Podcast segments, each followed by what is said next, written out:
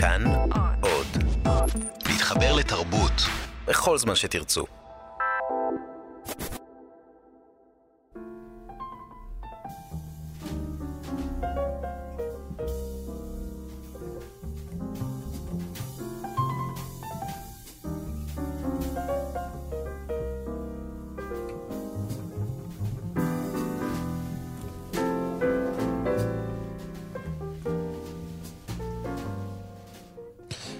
שבת שלום, ברוכים הבאים להתבודדות. אני עמיחי חסון, והיום יש לי את העונג להתבודד עם המשוררת והעורכת, חווה פנחס כהן. שבת שלום. שבת שלום, חווה. אה, היה לך כתב עת שאנחנו עוד נדבר עליו, שנקרא דימוי. נכון. זה היה השם המעניין שלו. וככה, כשקראתי את השירים היום שלך עוד פעם, חשבתי על המילה הזאת בהקשר שלך. כלומר, את הפער בין הדימוי, שהמון פעמים נוצר לאנשים, לבין הדברים עצמם, נגיד את זה ככה.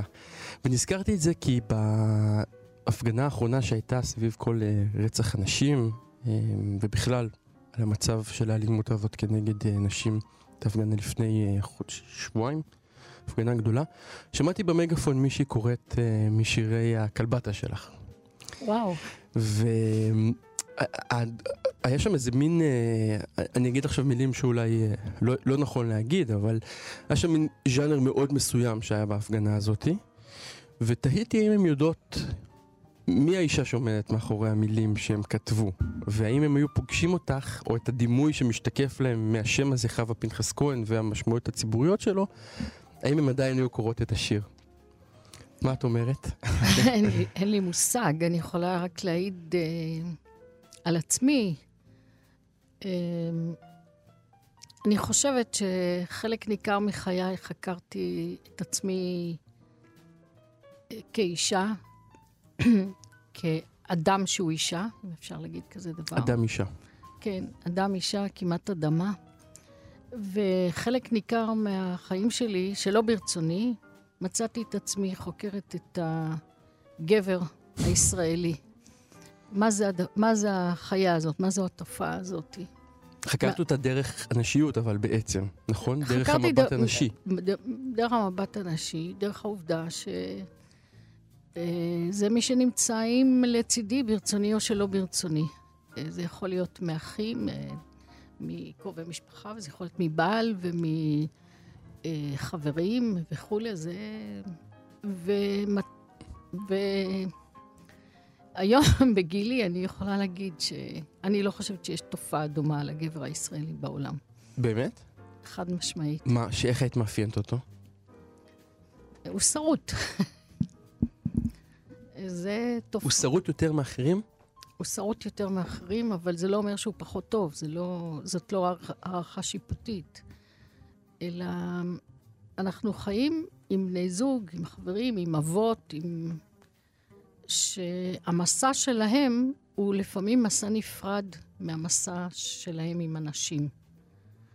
אמ, הם נפרדים מהאימא מוקדם מאוד, מהאימא, אמ, והם נפרדים אה, אה, לדרכם דווקא בתוך חברה גברית, שלא לדבר על זה כשמדובר בדתיים. החוויה שלהם בצבא היא חוויה גברית גם כשיש בה נשים.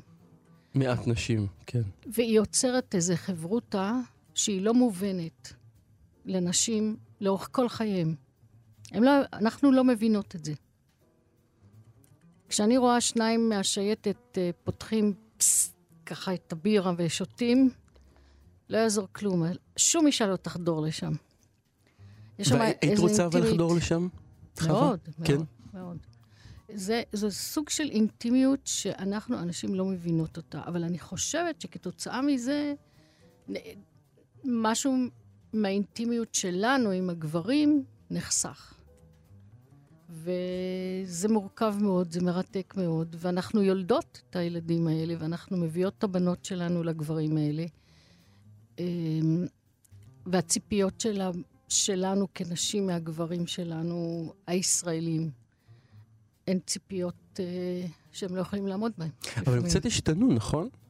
ביחס, כל, כלומר, נניח, אני חושב, אני אגלה פה סוד, יש לך אה, נכדים, כולם אה, בנים. נכון. הם כבר יגדלו לתוך עולם אחר, כנראה. תראה, חמש שנים אחריי כבר הייתי חברות שלי בזוגיות שהיא שונה מהזוגיות שלי. לא כי אנחנו אנשים שונים, אלא שיש לה מאפיינים שונים.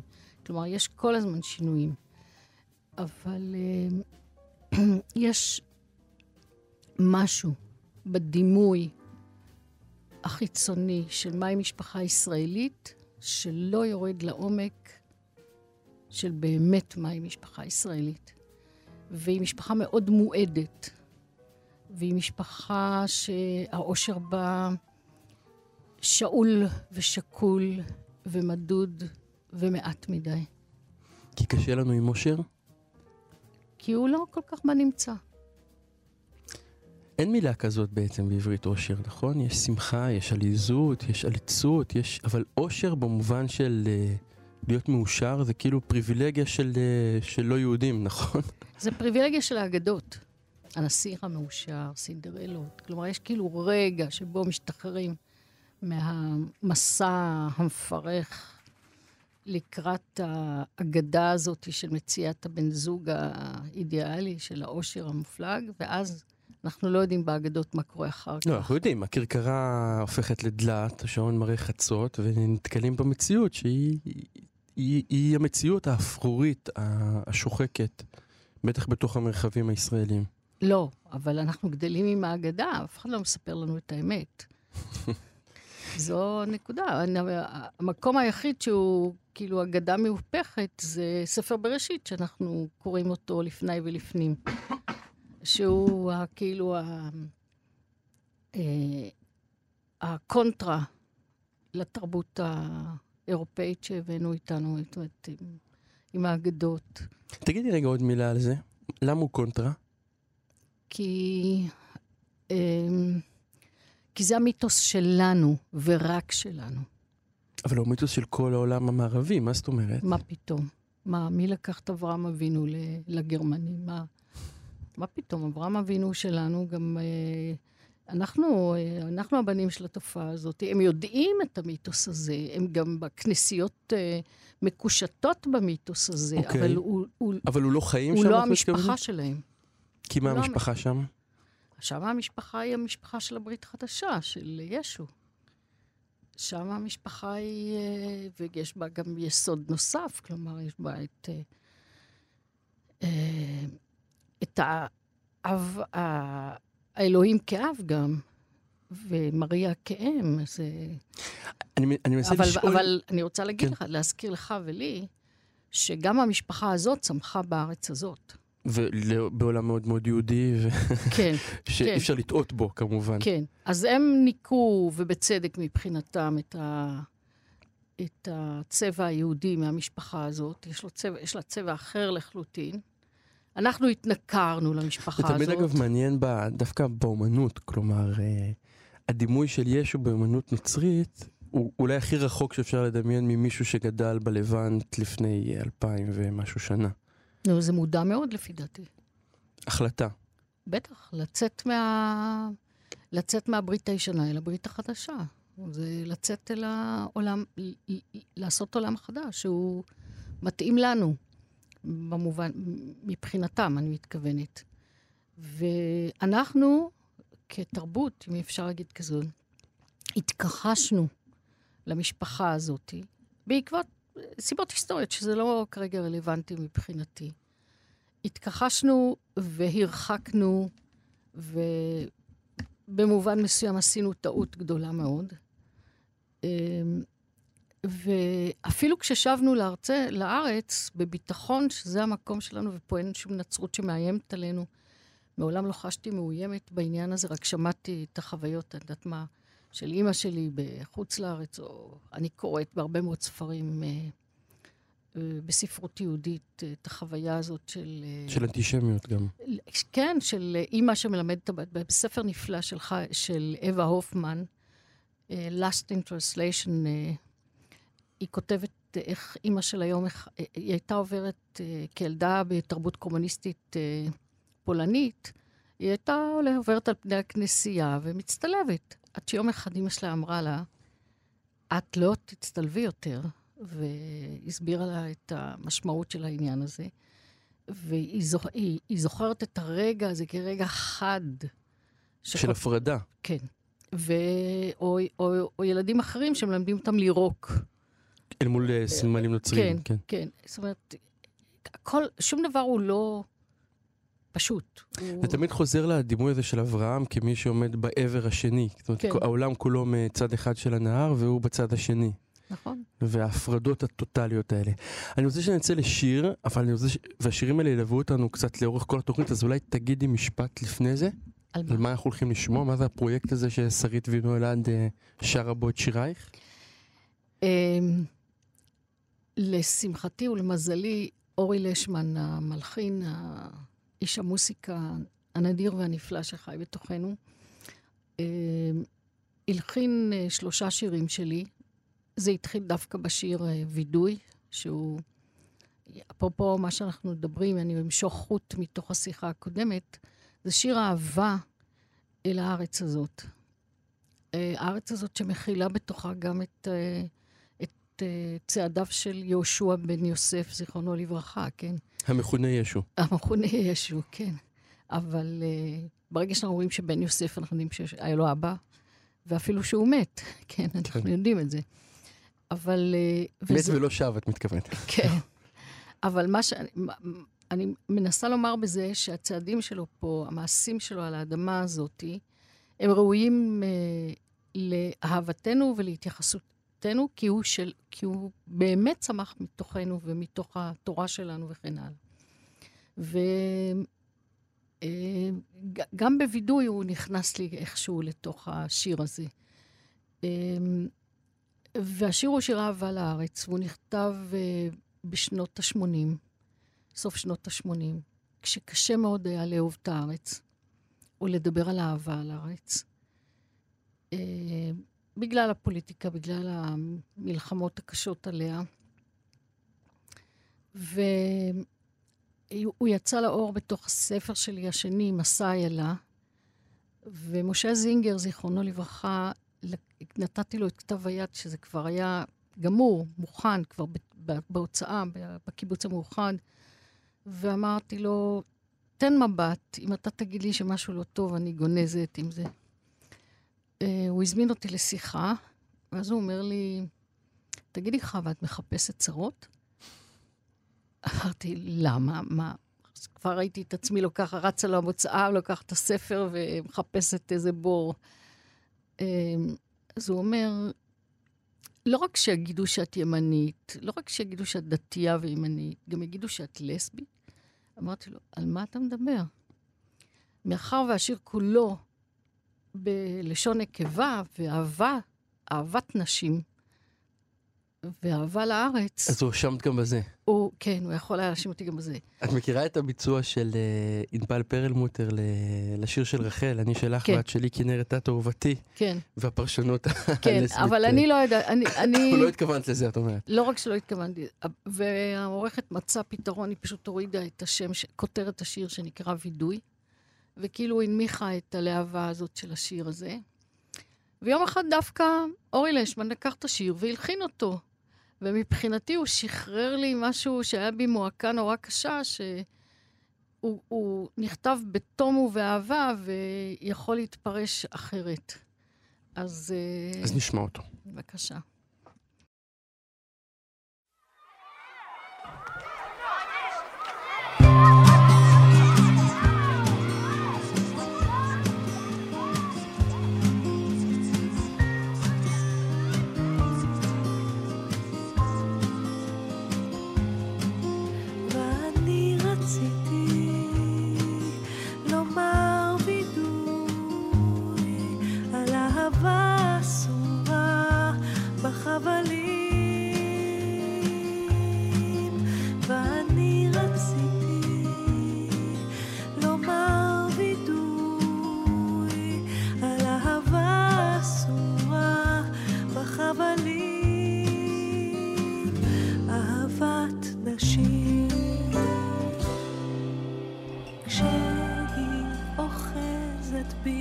בין שתי ידיה.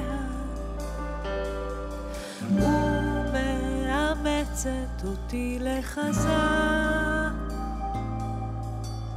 ריח בושם הדרים ספוג באורה.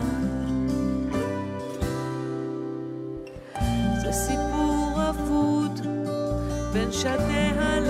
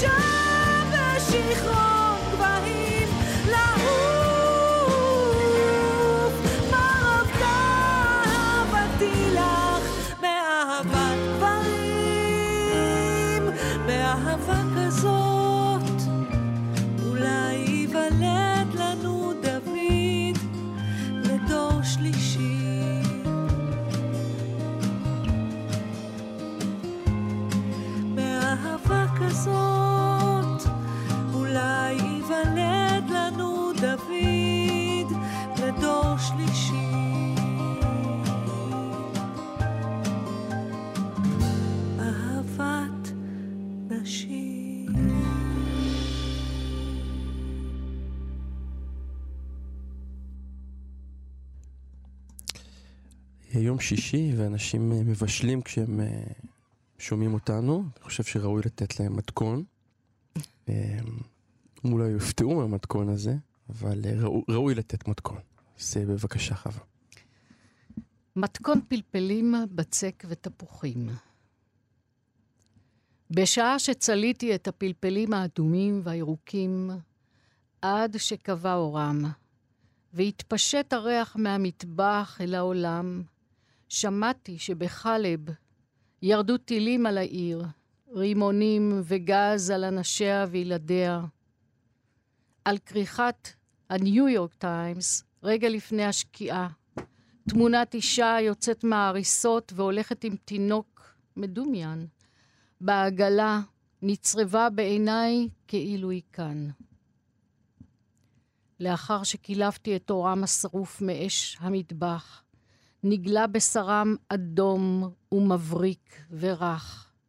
חתכתי אותם בשקית חד לרצועות דקות, אלו ליד אלו, ושמעתי על תאונת דרכים. אם על ילדיה איבדו חייהם מול פגוש משאית בלב כביש באזור הארי. טפטפתי שמן זית ולימון, הוספתי שיני שום והמשכתי לעבר הבצק שטפח בקערה. לשתי את הבצק המסרב ללחישות ונכנע לאגרופיי. לשתי בתנועות מעגל מהבטן אל האינסוף, מקשיבה למפגש ההדבות, עם תנועה משם אל הבטן ובחזרה. פרסתי תפוחים לעוררו מתרדמת האהבה, להזכירו בין התפוחים בחביון צימוקים. שמה עוררתיו, להסיר הסתר פנים ולהביאו אל גני, אל פלאי רימונים, לראות באיבי הנחל ולהניח ראשו על שד ימיני. טוב, זה שיר מפואר. אמ, ואני יודע שכשקראתי אותו בפעם הראשונה, הוא זעזע אותי. זעזע אותי כי אני חושב שאנחנו אוטומטית עושים את זה. את מה? את ההפרדה.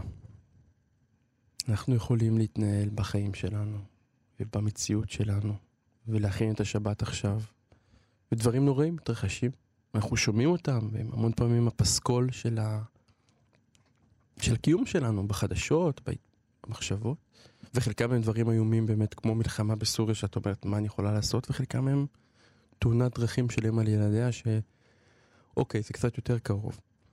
אבל אנחנו, מת... אנחנו כאן, ומה שנשאר לנו, וזה בעצם סוף השיר, הוא רק להתפלל. אני לא, אני לא אומרת כאן משהו מלומד, אלא אני אומרת משהו מתוך החוויה האנושית שלי. נגזר עלינו להכיל את כל הכתבים האלה. זאת uh, גזרה של... Uh, אם אתה רוצה להיות בן אדם במלוא החושים שלך, אז uh, אתה חייב לדעת להכיל את כל הדברים האלה. והשאלה היא, מה אתה עושה עם זה, ומה מתוך זה אתה בוחר להוציא לאור, כלומר, להוציא מתוכך, מן הכוח אל הפועל. לחרוג מעצמך. כן. מה אתה בוחר? לצערי לא בחרתי אה, לעזור אה, לפליטים בסוריה, זה לא היה בכוחי. אה, גם כל מה שיכולתי זה היה להקשיב לתאונה. הטכנולוגיה פה עומדת לשירותי בעניין הזה. הטכנולוגיה והתקשורת, זאת אומרת, אחד הדברים שמאוד חזקים בשיר זה הדיווחים שבעצם מגיעים גם מהעיתון, בכלל עיתון מחו"ל. ולא רק זה, הצילום הנפלא הזה, תסלח לי שאני אומרת את זה, זה צילום שנשמתי נעתקה כשראיתי אותו. צילום יפהפה לאור השקיעה, כשאתה רואה את ההרס, ואתה רואה אישה אחת לבדה מובילה עגלה, שאין לך מושג מה היא מכילה העגלה הזאת. אתה רק רוצה להאמין שיש שם תינוק, אבל איך נולד תינוק בתוך המקום הזה? כל השאלות פתאום מתעוררות. אבל הצילום הוא נפלא, והוא הגיע לידיי. ומישהו אמר לי, תראי. כלומר, יש לנו כאן איזה... אה, אנחנו לא מוותרים על כל המידע הזה, על כל האוסף הזה שמעלינו. השאלה, מה אנחנו בוחרים? ואני במקרה הזה בחרתי לכתוב. לא, אני לא יכולה לעשות משהו אחר. כי זה, כי זה הנשק שלך. זאת אומרת, אם אני חוזר רגע לתחילת השיחה שלנו על גבריות ישראלית, כן. ואם היית גבר, אז היית יוצאת אולי למלחמה. כלומר, יש פה בחירה מאוד נשית, ב- לכאורה, אני אומר, מסומנת. נכון, אני, קודם כל הלכתי לבשל. כן, בדיוק. זה, זה הדבר... זה, זה הטריטוריה. זה לא רק טריטוריה, זה, זה גם נחמה מסוימת. מעניין, למה? הבישול והאוכל והעיסוק בזה, ולגעת בפרטים של זה, ושזה ימצא חן בסוף. אה, זה סוג של נחמה, זה סוג של אה, למלא את הבית בריח. ריח טבעי, ריח אמיתי. אה, לעשות את השקט הזה שאפשר לשבת ולאכול יחד ולדבר יחד, מול כל הרע הזה שמסביב. לפעמים גם לדבר על הרע הזה, תוך כדי האוכל הטוב והריח הטוב. כן, זה, זה פטנט של נשים להתמודד עם כל רע אפשרי. זה לאפות עוגה או לעשות uh, חצילים. עכשיו, פה גם חבוי עוד עניין. מי שמכיר את המתכון הזה, זה מתכון בלקני. אה, זה לא... זה, זה מאופיין באופן חד משמעי כאוכל אה, בלקני, הפלפלים הצרובים, או כמו בשמם המקורי, פצ'ני צ'ושקי. עוד פעם? פצ'ני צ'ושקי. הלוואי שאני אצליח להגיד את זה. זה פלפלים כלואים. אה, והעניין העניין הזה שאני הולכת כאילו אל הבית של הבית, אל המקום שממנו גם אני קיבלתי את המתכון נגיד הזה. ש, נגיד שאת אה, אה, משפחתך מבולגריה. נכון. חשוב לתת פה את ההקשר. Um, אוקיי, אז זה, זה הפתרון. הפתרון הוא במובן מסוים uh, להעניק איזה רווחה דרך, דרך הבית, דרך האוכל, דרך הדברים, אבל את גם בוחרת להניח את זה בתוך ספר, או לא רק בתוך ספר, בכריכה האחורית של הספר. יש פה הצהרה. יש פה גם uh, איזושהי, מאחר וזה לא ספר ראשון שלי ולא שני. שתי, אה, נגיד, ספר התריסר, לא כן, פחות מזה. כן, ברוך השם. הספר, אה, אה, זה גם, ומאחר ואני תופסת סופרים, משוררים, כעדים של זמנם, אני לא רק באה לספר את כאבי הלב שלי ואת הביוגרפיה שלי, או את uh, מה שעבד לי או מה שטוב לי. זה לא, זה לא מעניין אותי במובן הזה, זה לא תפקידה של שירה. אלא יש בה גם עדות על הזמן, על הזמן הפרטי ועל הזמן הציבורי או האוניברסלי, איך שתרצה. וכשתהיתי מה אני אשים אה, בכריכה האחורית, אין שום מילה על הביוגרפיה, אם תשים לב, אין כלום, שום אינפורמציה עליי בספר הזה. חשבתי שזה לא, לא מעניין פה. שמתי את השיר הזה, שהוא אפילו חריג בספר, הוא לא נכון, אופייני לשירי הסרט. נכון. כמין אה, אמירה, דווקא אותך הוצאתי החוצה, כי כל מה שבפנים שקול לאחד אחד בחוץ, לא מבחינת האיכות, מבחינת הזמן. Mm-hmm. איך ישב וכתב ספר שירים כשבחלב רוצחים אה, אנשים חפים מפשע? איך ישבת וכתבת ספר כשככה וככה? כאילו חוזר לשאלה הזאת של הדורנו, איך אפשר לכתוב אחרי אושוויץ שירה. כן, זה, זה, זה חוזר והולך. למה חוזר והולך מבחינתי? חוזר כי אנחנו, כי זה נקודת המוצא של הדור שלי. הדור שלי, הרגליים שלו נמצאות בשואה. גם אם לא ידעתי את זה, פתאום מצאתי שזאת ה, האמת העצובה והמדויקת אבל. אבל מצד שני, זה לא נפסק. אנחנו חיים בהוויה שלא פוסקת להעמיד לנו את האתגר הזה של מה, מה, מה אתה תבחר? מה תבחר לעשות? האם תבחר לצאת אה, להפגנה על זכויות אזרח כי כך וכך קורה, או תבחר לשבת, אה, לכתוב את המאמר הפילוסופי הבא שלך, או מה תבחר? עכשיו, אני רוצה להגיד שזאת פריבילגיה עצומה להיות במקום של מה תבחר. בשביל דור לפניי... עצם הבחירה. אלף, דור לפניי לא הייתה בחירה. הדור של הורינו לא הייתה בחירה. ואם היא הייתה בחירה, היא הייתה מצומצמת, או שהיא הייתה טרגית. כלומר, בחיים או במוות, בלהישאר כן. או בללכת. כלומר, דברים ממש עצומים. לנו יש בחירה כמעט כמו מניפה בין אה, אפשרויות שונות, והאומנות משקפת את זה. האומנות משקפת את זה יותר מכל אה, אה, מאמר ז'ורנליסטי, כלומר... אה... מרגישה אבל שזה תפקיד? כלומר, אני תמיד נבהל מהמחשבה שלשירה יש תפקיד, או שלאומנות יש תפקיד. אה, אני אגיד לך ככה, אם אני באסכולה של ישראל אלירז, שהוא היה חברותא רצינית מאוד לדיונים בשירה, שירה אין בכלל תפקיד. היא צריכה להיות שירה, ושירה טובה, וכל מילה על העניין הזה רק גורעת ופוגעת בשירה. אני אודה או אתוודה שאני באסכולה הזאת, אני גם אגיד למי שלא שם את ידו, יש לך ספר שיחות אה, נפלא עם ישראל, שיצא בסדרת קו אדום, אם אני זוכר נכון. כן. ואם רוצים להבין קצת את הפילוסופיה מאחורי התופעה הפואטית המדהימה הזאת, באמת שלא רק פואטית, התופעה האומנותית הגדולה שנקראת ישראל, אני רז מאוד כדאי לקרוא את הספר הזה. אוקיי, אז יש את האסכולה של ישראל שאני איתה, והאסכולה לא השנייה... ואני לא סתם הזכרתי אותה, כי אני ארצה להזכיר אותה עוד מעט כאיזה אנטיתזה למה שאני חווה כרגע. ויש את האסכולה שלפי דעתי והרגשתי היא הדומיננטית היום, שהשירה משרתת. היא משרתת, יכול להיות אדם פרטי אה, שצריך אה, פרסום, או לומר אני קיים, או כל מיני דברים חשובים, בסדר גמור, אבל הוא, הוא רואה בזה כלי, והוא גם מציג את עצמו כבעל הכלי. השירה כאמצעי. כן. וזה יכול להיות אה, אה, אנתולוגיה, אחד הקנה מידה שלי להבין דברים, אני רואה את האנתולוגיות שיוצאות. אז הן אנתולוגיות לשימוש ציבורי. אתה צריך אנתולוגיה לשירה על פי פרשת שבוע, יש לך זה. אתה צריך אנתולוגיה על פי שירי פסח, יש לך שירי פסח. זאת אומרת, אם, אם אתה מחפש קפיטליזם בתוך השירה העברית, תראה לאן הולכות האנתולוגיות. בוודאי. אין, אין מעידות הכי טוב את העניין הזה. תראה... אה, תראה מי המשוררים שפתאום אה, מקבלים אה, מעמד עוד לפני שהוציאו ספר או שניים. היא משרתת צרכים חברתיים, אם זה בשביל המזרחיים או בשביל. כל מיני דברים שלא לא ידעתי בכלל שהיא צריכה לשרת אותם.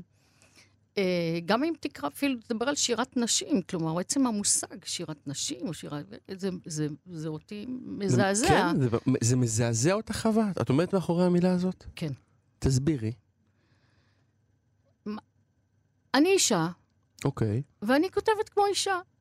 אבל זאת לא שירת נשים, אני א', לא שליח ציבור של נשים. אבל את כן, גם במהלך השיחה שלנו כאן, דיברת מתוך point of view, מתוך אה, אה, נקודת מבט של אישה, זה היה משהו קריטי. הבדלת את עצמך מהתופעה הגברית הישראלית ואמרת, אני חווה כותבת. אבל מתוך... דיברת איזה סוציולוגית, לא פואטית.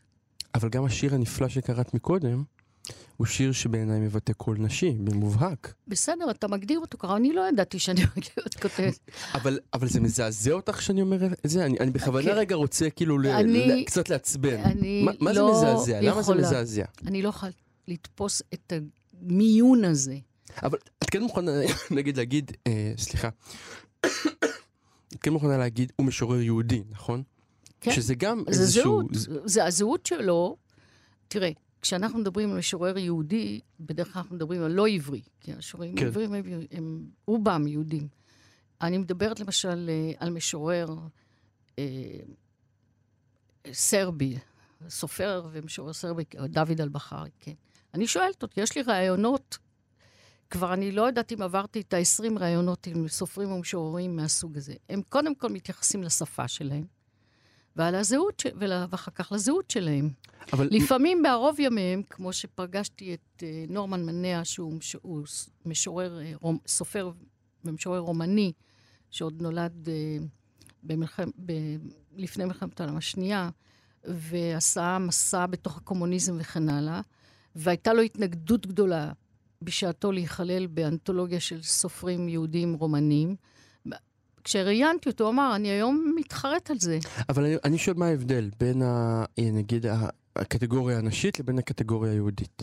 שניהם קטגוריות של זהות, בסופו של דבר. לא, הזהות, הזהות של אישה או גבר היא, היא זהות כל כך אה, בלתי ניתנת אה, לבחירה, אבל, אבל ולא לא נכון, ניתנת חווה. להגדרה. אם אנחנו מסתכלים על העולם היום, שבאמת הופך כמעט כל דבר לרצף. גם שאלת הזהות המינית הופכת לרצף, גם שאלת המגדר הופכת לרצף.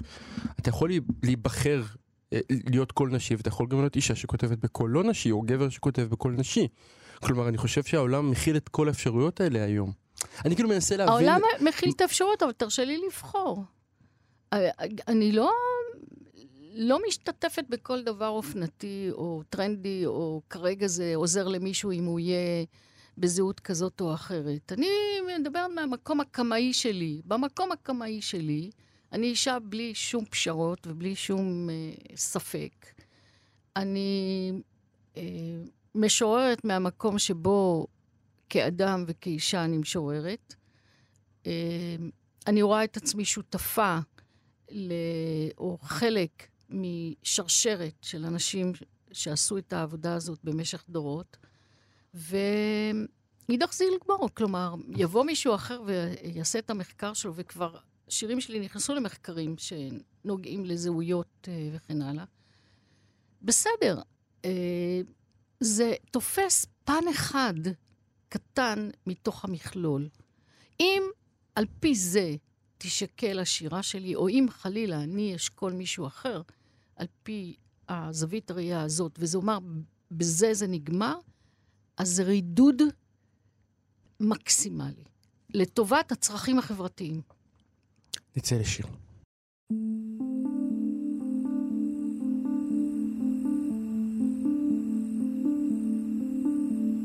את חטאי אני עושה בהסתר, ובתאווה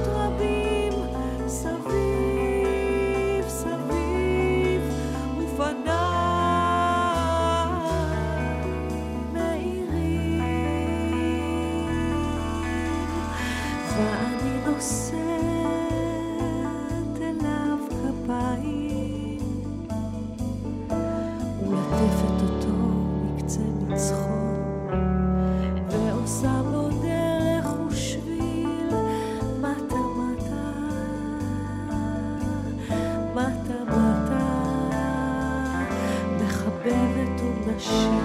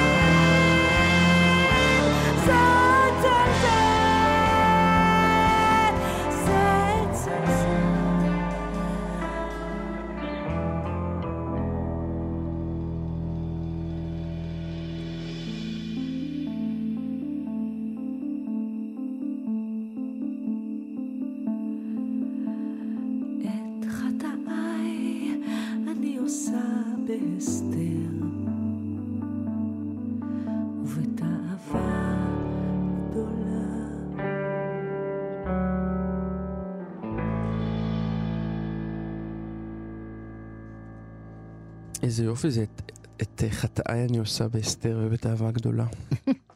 היה פה בשיר אסתר פנים, בשיר הזה אלוהים אחרים, היה גם אסתר פנים בשיר הפלפלים. זה מלווה אותך קצת, המונח אה, הזה. אני חושבת שחיי נמצאים אה, לא פעם תחת הצל של האסתר. אה, אבל אני לא מודעת, כלומר, לשימוש החוזר. זה רק אה, עכשיו, שהייתה לי עבודת עריכה, אה, אני מכינה ספר יחד עם אה, מתי גרינברג, האמן, פסל, שהוא, זה שילוב של הציורים, הרישומים האירוטיים שלו וציורים, ושירה. האירוטית שלי. ותוך שחשבתי על מה ואיך, ועשיתי עבודת עריכה פנימית כזאת שלי, שלאורך שנים, ואז גיליתי שההסתר פנים חוזר. אה, חוזר אליי, כן, מפה ומשם, ובהקשרים לא דומים, שזה מזלי הגדול. כלומר, לא ידעתי ש... שהם נפגשים באותם אה, מקומות. כן. והשיר הזה הוא אחד השירים הפותחים את, המ... את, ה... וואלה, את הספר, וזו בחירה של מתי. יפה. אה, חוץ מהתפקיד שלך כמשוררת, שהוא תפקיד בעולם, צריך להגיד, ובטח אחרי אה, תריסר ספרי שירה, יש לך תפקיד לא פחות משמעותי כמנוע תרבותי. ובאמת אחד הדברים שאולי התחילה אותו ואפשר לסמן אותו כרגע כמעט מהפכני, זה כתב העת דימוי. וח... ו... והוא לא רק כשירה, אלא גם כאומנות. נכון. ובמפגש הזה, בתוך עולם שהוא, אני אגדיר אותו עולם דתי, למרות שאפשר עוד אה, לדון על המושג הזה, מה שנקרא, אבל בתוך המרחב של מה שנקרא אומנות יהודית, היה פה איזה חידוש. החידוש, זה לא יאומן היום לדבר על זה כחידוש, כשהמושג, למשל, ארון הספרים היהודי הוא כל כך שגור בפינו, ויש בתי מדרש בכל מקום. ו... אה, שנות ה-80 היו מדבר מבחינת, מבחינת העיסוק בתרבות היהודית, בזהות שלה כתרבות יהודית.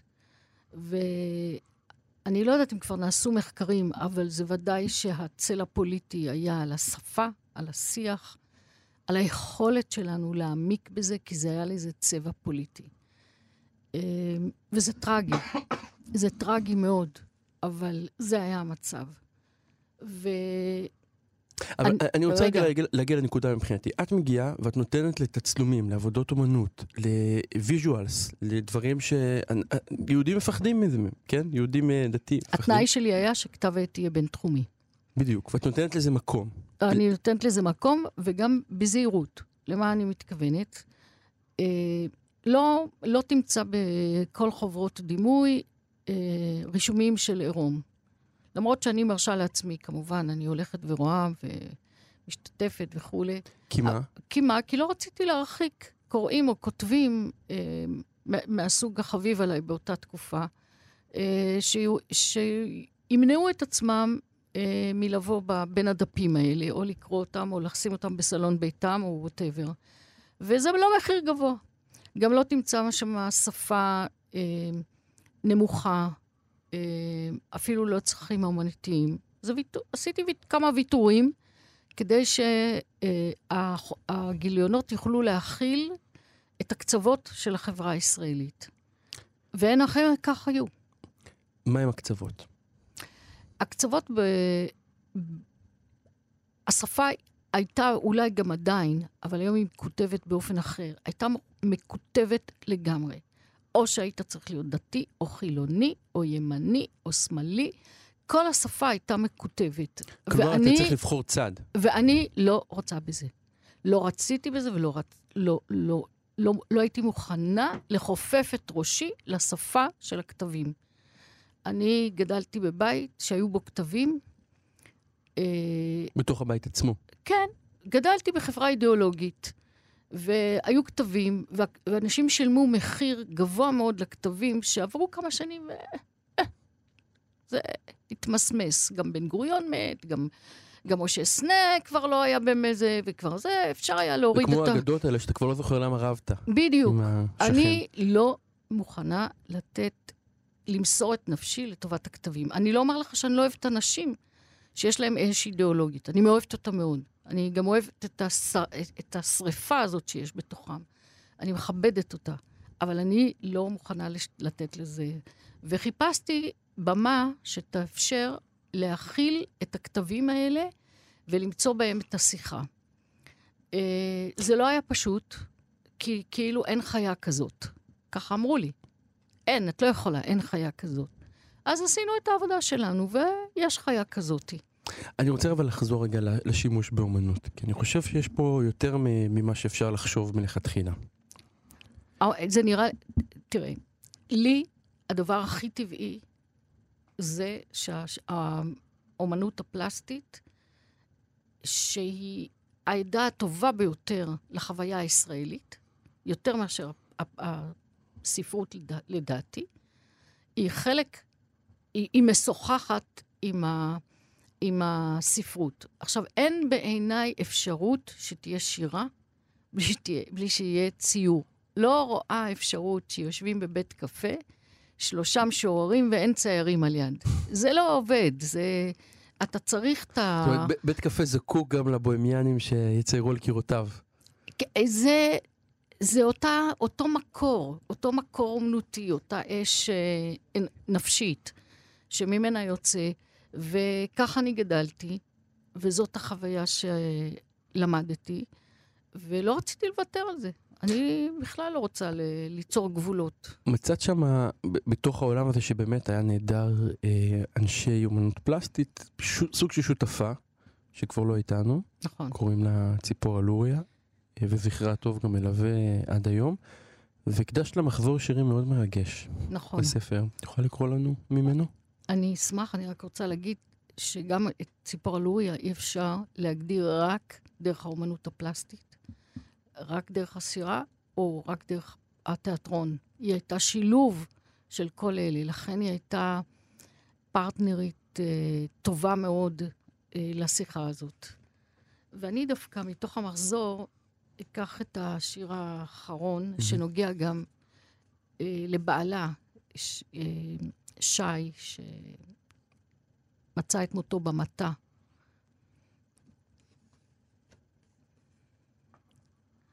כמעט ערב, והכלבה נרדמה בחדר הילדים. מישהו דפק בדלק, בדלת בידו מגש דובדבנים. עצים שהתעקשו לצמוח על הרי טרשים, ושלושה מלאכים שנעצרו לרגע והלכו, והשאירו כרם מוסקת, ומישהו מאשים, ונשפך ממנו דם הדם על הסלעים. על כל פנים, מול פנים, באותו ערב, בפתח הופיע מגש דובדבנים, ואחריו איש עם קמטי חיוך כחולים, והקדים את מה שעתיד היה לבוא ולא ידענו. רק כתמי הדובדבן על חולצה לבנה, היו הבשורה באותו יום בלב חשוון. לבשתי לבן ודודי בא, סעודת צהריים עם ורד אדום על מפה, בדמי חידודי חג. על המפתן עצרה אותי שרה, גם היא כבר הלכה. לכי אליה, ואמרי לה, האיש נפל במטע. לכי, בשרי לה. קמתי והלכתי לחפש את ציפורה, במסדרונות ובחדרים, בבגדי לבן שהחלו מתכסים בכתמי זיעה וצבע. פנים אל פנים חיפשתיה. אמרה לי, מה לך לבן ביום חול? אמרתי לה, האיש נפל במטע. אמרה לי, למה עכשיו? זה תנכי. זה הרגע זה רגע שהוא- תנכי. שהוא בלתי... לא עוזב אותי. הרגע הזה שקיבלתי שיחת טלפון, ושרה הראל אמרה לי, תלכי, תחפשי את ציפורה, כך וכך קרה. ואני הלכתי וחיפשתי. היית מודיע. הייתי המודיעה הטבעית, אם אפשר לומר, באותו רגע. אבל אותו רגע כינס לתוכו את הכל, כי עצם העובדה שהוא מת במטע, אותו המטע שהביא איתו כל כך הרבה טוב, אבל אותו המטע שצריך היה להיאבק אליו, הכל יחד היה, וגם בזה היה צבע. אותו הצבע שציפורה הייתה כל כך אה, עטופה בו. ומה הדבר הראשון שהיא ראתה? באיזה... מה אני לובשת? היא אומרת לי, מה, למה את לובשת לבן? כשבאת אליה? כן. וואו. זה הדבר הראשון שהיא אמרה. מה, למה את לבושה לבן? כי באתי ל... אה, למכללה בזמן, אה, לאחר שיעור שהיא סיימה. אה, וזה לא המקרה שהיא אמרה, למה באת בלבן? זה מה שהיא רואה, היא הראתה את, צבעים. את הצבע, את ה... מ- מהצבע יצאנו אל החיים, כאילו. אנחנו נצא לשיר נוסף וניפרד. ראית כלבה משטחת הגוף על רצפת המרפסת לקבל עטיפה על גחון מבקשת ליטוף מבקשת לשתות שטות מבקשת שארית עצמות מסעודת השבת. ושוב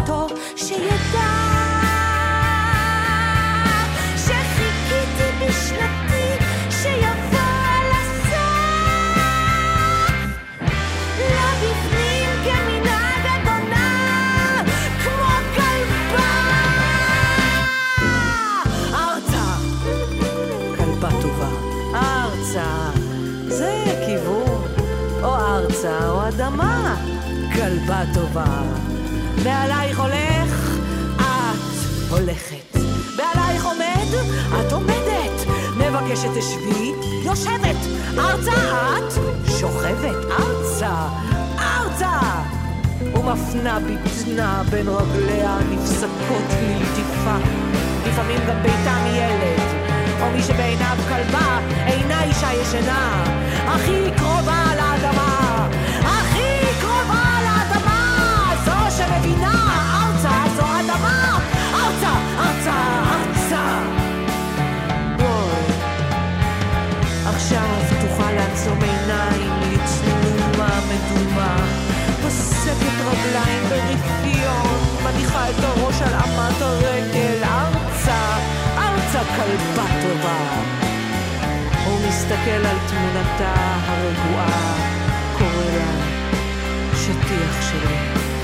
את פרט מתמונת עולמי. כאן מנוחתה.